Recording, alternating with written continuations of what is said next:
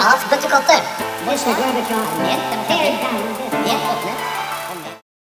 Hei og velkommen til en ny serie som vil prøve å oppsummere komparativ politikk-delen av Pol 1000. Med oss i studio hele denne serien er professor Jennifer Bailey. Professor Bailey er foreleser for KP-delen av Pol 1000 og er amerikansk. Vi har derfor bestemt oss for at denne serien spilles inn på engelsk. Vi vil også minne om at denne serien er ment som et hjelpemiddel opp mot eksamen, eller for å bli kjent med studiet generelt sett. Men lesing av pensum og høre på forelesningene er nødvendig for å bygge en god forståelse av faget. Temaene vi vil dekke i denne serien er Møllers sin kontrollogikk, dannelsen av stater, hvorfor demokrati, og regimer og nasjonale forsamlinger. Vi takker for at du valgte å høre på oss, og vi håper at du liker denne serien. Hello and welcome to a new episode of Statsbøttekotter with me, Martin, and Andreas. This is the second episode of the summary podcast series of comparative politics. The subject of the second episode is the creation of states. Uh, with us today we have Professor Jennifer Bailey. Welcome to you, Bailey. Good morning. Welcome.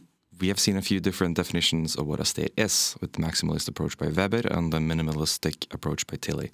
How is a state defined, and how do you apply the term state in the modern world?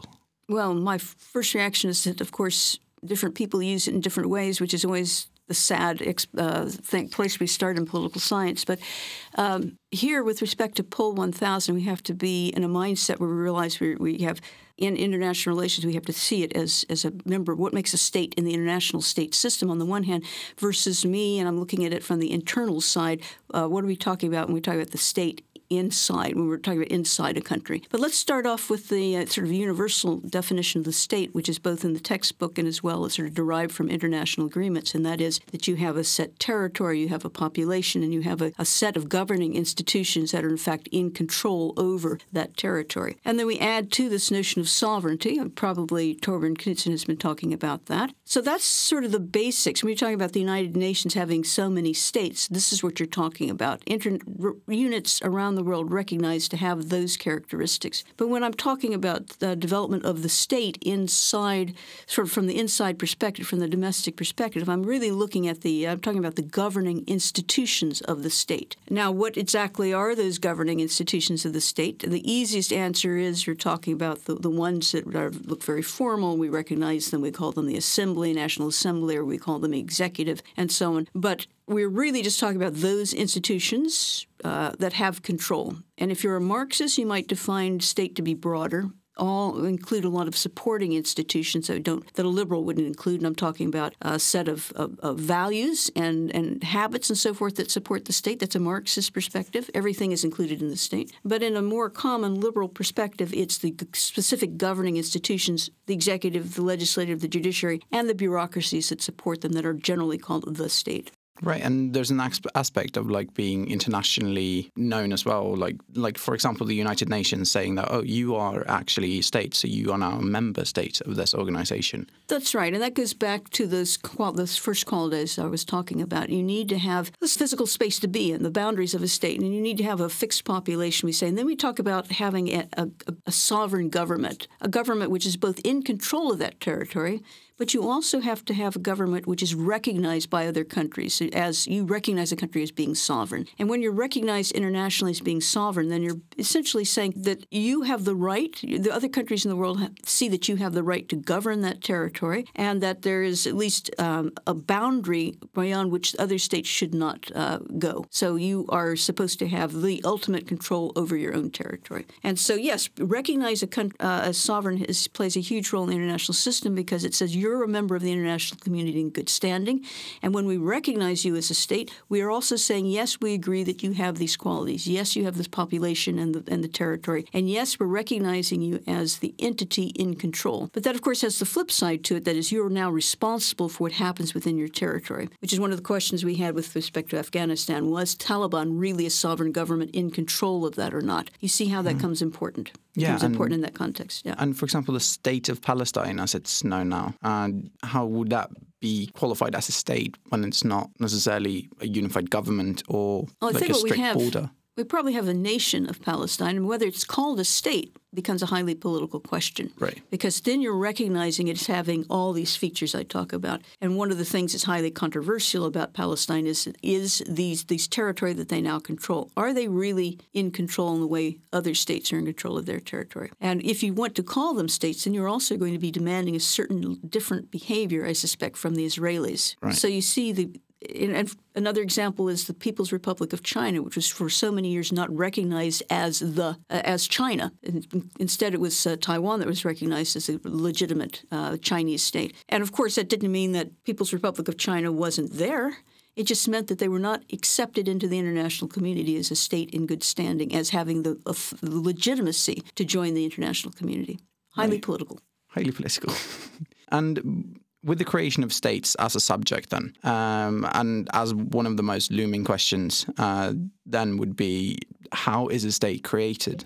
Like, could you tell us a little bit about this process, historically speaking? Well, it's it's not easy. It's a huge process, and we have that whole book from Møller that's talking about different ideas about how the state emerges. But I would say that uh, what one of some of the takeaway messages of those book, that book, which covers some of the major theories, indeed, which is why uh, I ask people to read it, is of course, uh, first of all, if we talk about the, the characteristics that, that constitute the state that we started with, having a territory and a population and somebody in control, what we see in Europe, for example, we talk about the modern state arising in Europe in particular. It's not other people have government, no question there, but this thing that we recognize as the state uh, emerges in Europe. And warfare, I think, we have to say plays a huge role in this over time because it's a, it's a power struggle. Whereby some entity arises in a certain area and establishes control over that territory beats out the local dukes and so forth to create, for example, a, a, unified entity under a king, in which the king is the recognized core authority, and the dukes and other uh, uh, bits of um, uh, that used to be sort of constitute the political elements of Europe lose power with reference to the to a centralized authority called the king, and that means that they lose control over their little territory. So the dukedom now is subordinate to the king for that sort of thing. So what you have really is warfare internally, uh, with the king beating off other uh, opponents. And then once the larger, you know, states begin to conglomerate, then you have that that that power struggle within the, the European system where emerging kings battle with other emerging kings and the need to extract resources in order to put an army in the field and so forth is um, plays a key role in developing uh, the centralized power. So those entities that could that could produce mobilize resources in their community and control them and put an army in the field are the ones that become states. Right. There's one other thing I want to add in because I didn't Yeah. talk about it later, and that is Tilly does talk about the state as organized crime, and I, I've always liked that, although I haven't talked about it. And I think the point of this is that at the Legitimate organized crime, then. well, it becomes legitimate. That's Yeah. the key, right?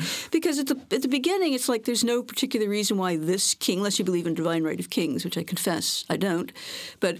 So some bully comes and he establishes power, right? And then you eventually, over time, get this overlay of legitimacy. He's in power because we think he has the right to be there. But at the beginning, it's a guy who takes over. It's almost always a guy, by the way. He takes over and he's a bully and he extracts resources from people without their consent, which we used to call, you know, theft. Yeah. right?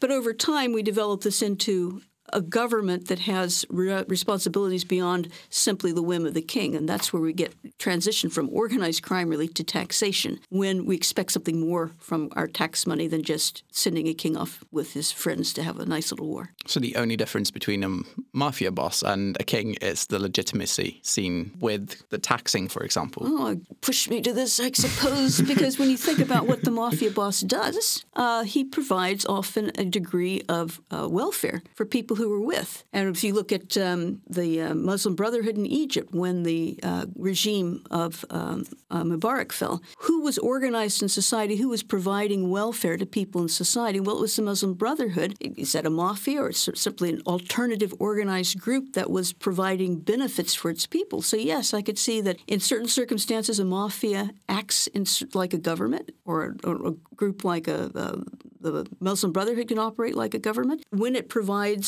certain services to the people. And we call the legitimate ones governments, and the ones we think are not illegitimate, we call them mafias or, or thugs or something else. But yes. right.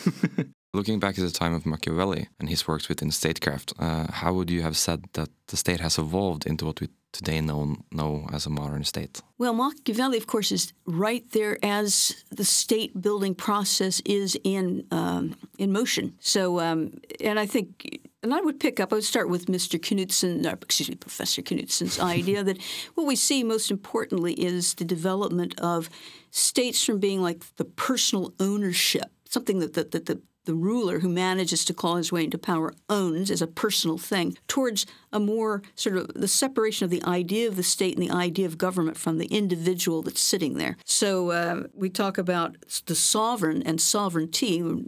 Word sovereignty really comes from the sovereign, who is the person who has the right to rule. Uh, and so the, the, the connection lingers on in the language there, right? So you have sovereignty that starts to reside in the unit rather than in the person, right? So, uh, so we see through from Machiavelli's time the struggle to create a system of government that outl- outlives a particular ruler. And we follow that track and we begin to see the emergence of, for example, the king not as a single person, but as a, a center of power. And people contest for the center of power and they start to build up bureaucracies around the uh, creation and the maintenance of power. And then as the need for legitimacy comes in, you start to provide more services to the people and so forth. So you see this combative process that eventually evolves into a set of institutions that linger uh, separate from the individuals that inhabit them. Because in Machiavelli's time as well, you had great families that were also part of like peace treaties and stuff like that.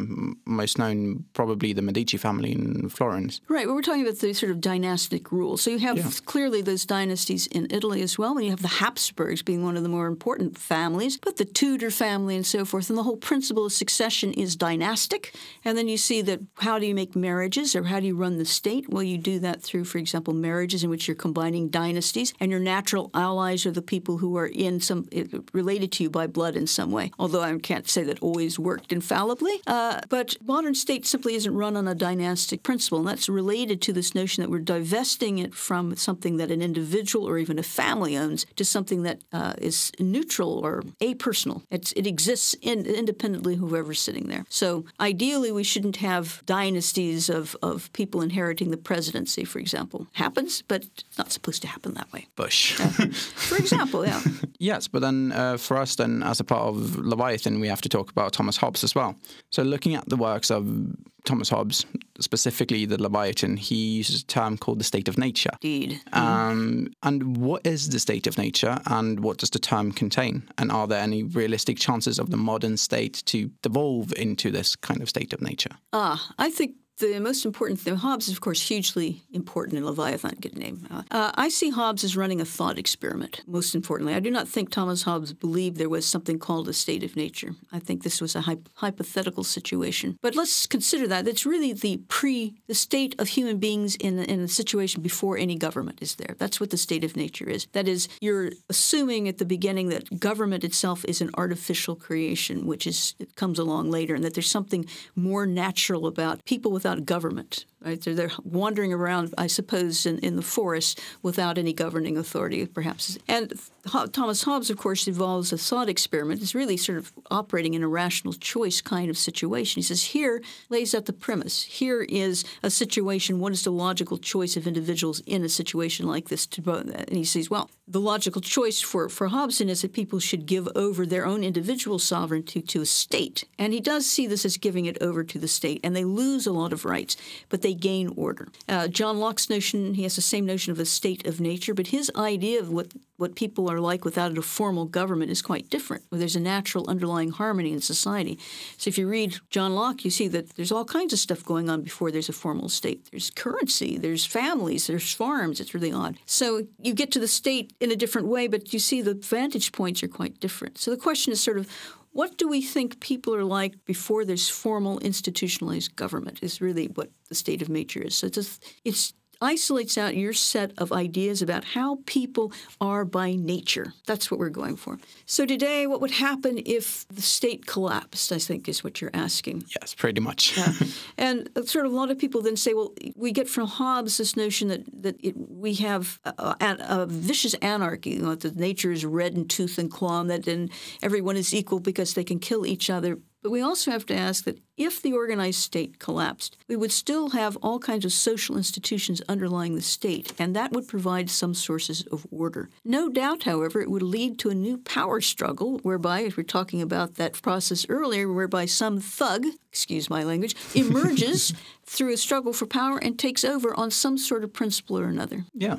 We stated that the term state has been used to describe entities that don't fulfill the definition proposed by Weber. Uh, is there a definite reason for this change? Well, I think Weber is going out and looking at his the states he recognized to be states in his time, and he and he decided that the one thing they all had in common was this monopoly on the legitimate use of, of violence. Right, but there are entities out there that don't quite fit that definition. And that's because there are fundamental disagreements in society. And the United States is actually quite an interesting example of that. So if you look at, uh, so his is descriptive. So I don't, so you say, well, he's looking at one class of objects when he describes that, but others simply don't quite fit. I'm not sure that they evolved from that, but they just don't fit his definition. But there's a real interesting question, for example, as to whether a federated government such as the United States, which has not just a military at the national level, has actually no uh, in police in that same way. FBI is investigated, but not police.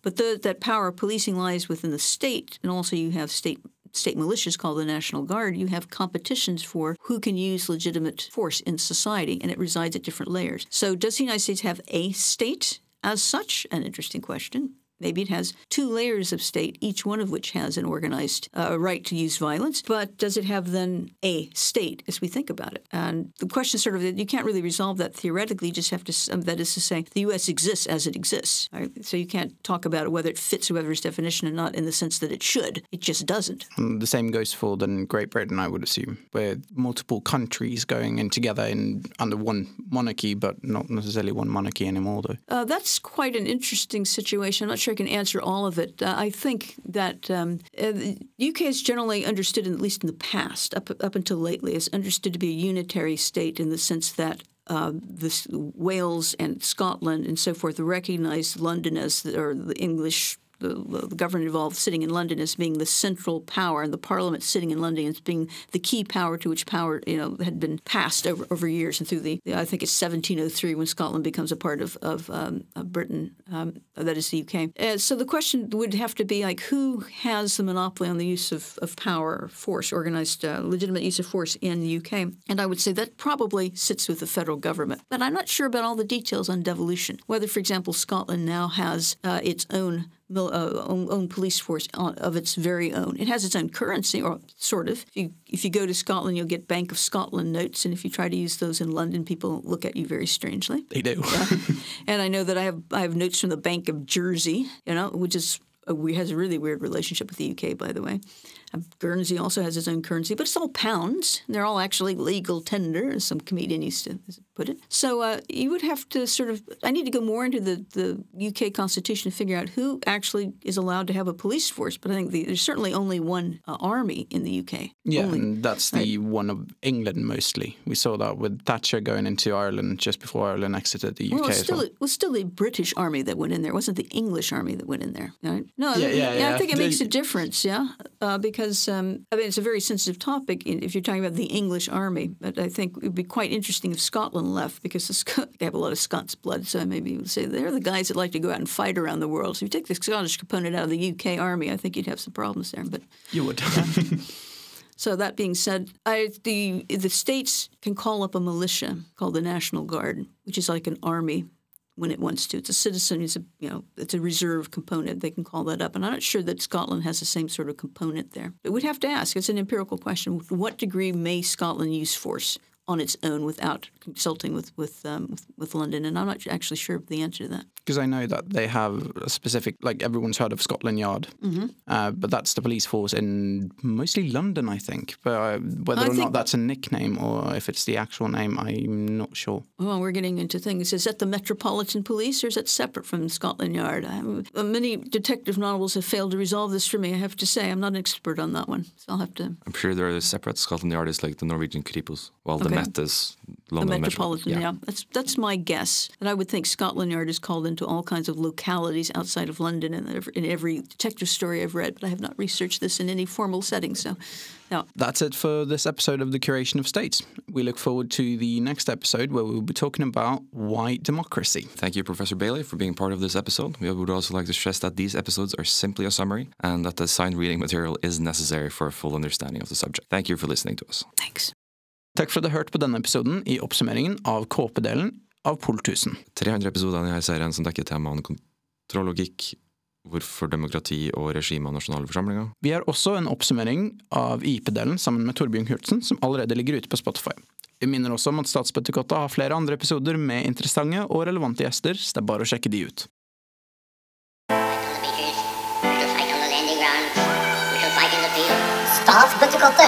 On the beaches. We shall fight on the landing grounds. We shall fight in the field. Statsbøttekotter! Dette er Gorbatsjov. Helt åpne.